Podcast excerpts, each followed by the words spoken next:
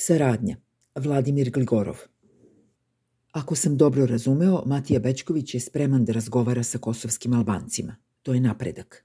Stavimo to u kontekst francusko-nemačkog plana, onako kako ga je predstavio gospodin Vučić, jer mi sam tekst nije poznat. U osnovi je to Išingerov predlog iz 2007. koji su tadašnji srpski pregovarači odbili. Po njemu, Srbija se ne bi protivila članstvu Kosova u međunarodnim organizacijama, ne bi se dakle protivila međunarodnom priznanju nezavisnosti Kosova, dok ga sama ne bi priznala. Ustav Kosova bi svejedno bio, kao što i jeste, u skladu sa Ahtisarijevim planom i sve ostale međunarodne obaveze u oblasti bezbednosti bi ostale u nadležnosti Saveta bezbednosti i Evropske unije. Uz to nije potrebna promena Srpskog ustava. Cilj tog plana nije bila samo normalizacija odnosa, već i stvaranje uslova za sveobuhvatnu saradnju. Primer su naravno bile dve nemačke države koje se nisu međusobno priznavale, ali je istočna Nemačka bila međunarodno priznata država. Zapadna je pak Nemačka dobila mogućnost da podstiče saradnju sa istočnom Nemačkom i da na taj način može da ostvaruje svoje nesporne interese u toj nezavisnoj zemlji. To je suština predloga. Ako Srbija ima interese na Kosovu, uključujući i povećanu integraciju, saradnja je način da se oni ostvare ovde ima smisla napraviti digresiju. Rezolucija 1244 i potom presuda Međunarodnog suda pravde se pogrešno tumače kao da je po rezoluciji jedini cilj razgovora i pregovora Srbije i Kosova to pod kojim uslovima će se Kosovo reintegrisati sa Srbijom. Dok se presuda Međunarodnog suda odbacuje kao izbegavanje odgovora na pitanje o međunarodno pravnom statusu Kosova.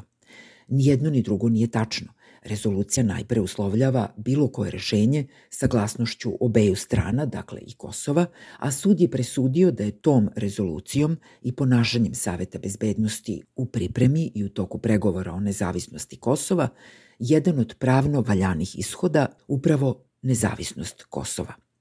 I sada uzmimo da Srbija i Kosovo razgovaraju ili pregovaraju o budućim odnosima. Nema mnogo smisla očekivati da će jedna strana Kosovo prihvatiti manje nego što već ima. Nema smisla pretiti da Kosovo neće biti članica Ujedinjenih nacija ako ne pristane na to da je autonomna pokrajina u okviru Srbije i opet ne bude nezavisna članica Ujedinjenih nacija. Kosovo treba da uvidi da saradnjom sa Srbijom dobija više nego da te saradnje nema što je suština Išingerovog predloga zasnovanog na nemačkom iskustvu. Pretpostavka je da Kosovo ima interese u Srbiji, a i da Srbija ima interese na Kosovu i da se saradnjom oni mogu ostvariti. Uz to, za Srbiju je ključno da Kosovo zaista ne samo ima interes da sarađuje sa Srbijom, već i da taj interes raste, pre svega u privrednoj oblasti, ali tu su i nauka i obrazovanje i zdravstvo i sve ostalo. Tu su sada i dve povoljne okolnosti koje nisu postojale u nemačkom primeru, bar ne na samom početku procesa normalizacije i kakve takve saradnje. Najpre tu Ahtisarijev plan koji je u osnovi Kosovskog ustava, koji na jednoj strani ne dozvoljava integraciju Kosova sa Albanijom, a na drugoj strani pozitivno diskriminiše političko učešće i uticaj srpskih predstavnika i predstavnika drugih manjena.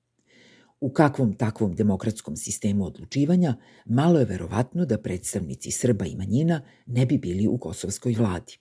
Cilj opet nije da se onemogući funkcionisanje kosovskih vlasti, već naprotiv da se poveća interes da se na odluke tih vlasti utiče. To onda normalizuje i zahteve za stvaranjem zajednice srpskih opština kao sredstva da se dodatno utiče na kosovske vlasti, na odluke Skupštine i vlade. Konačno, tu je Evropska unija i sve što unutar nje teritorijalne podele i granice čini manje značajnim upravo za ostvarivanje sobstvenih i prekograničnih interesa, bez obzira na to o kojim interesima se radi. Nije tu reč o šargarepi i o novcu, već o tome da se srpski i kosovski interesi mogu ostvarivati, a da granice tome ne predstavljaju prepreku. To je otprilike to. Razgovori, saradnja, zajednički interesi.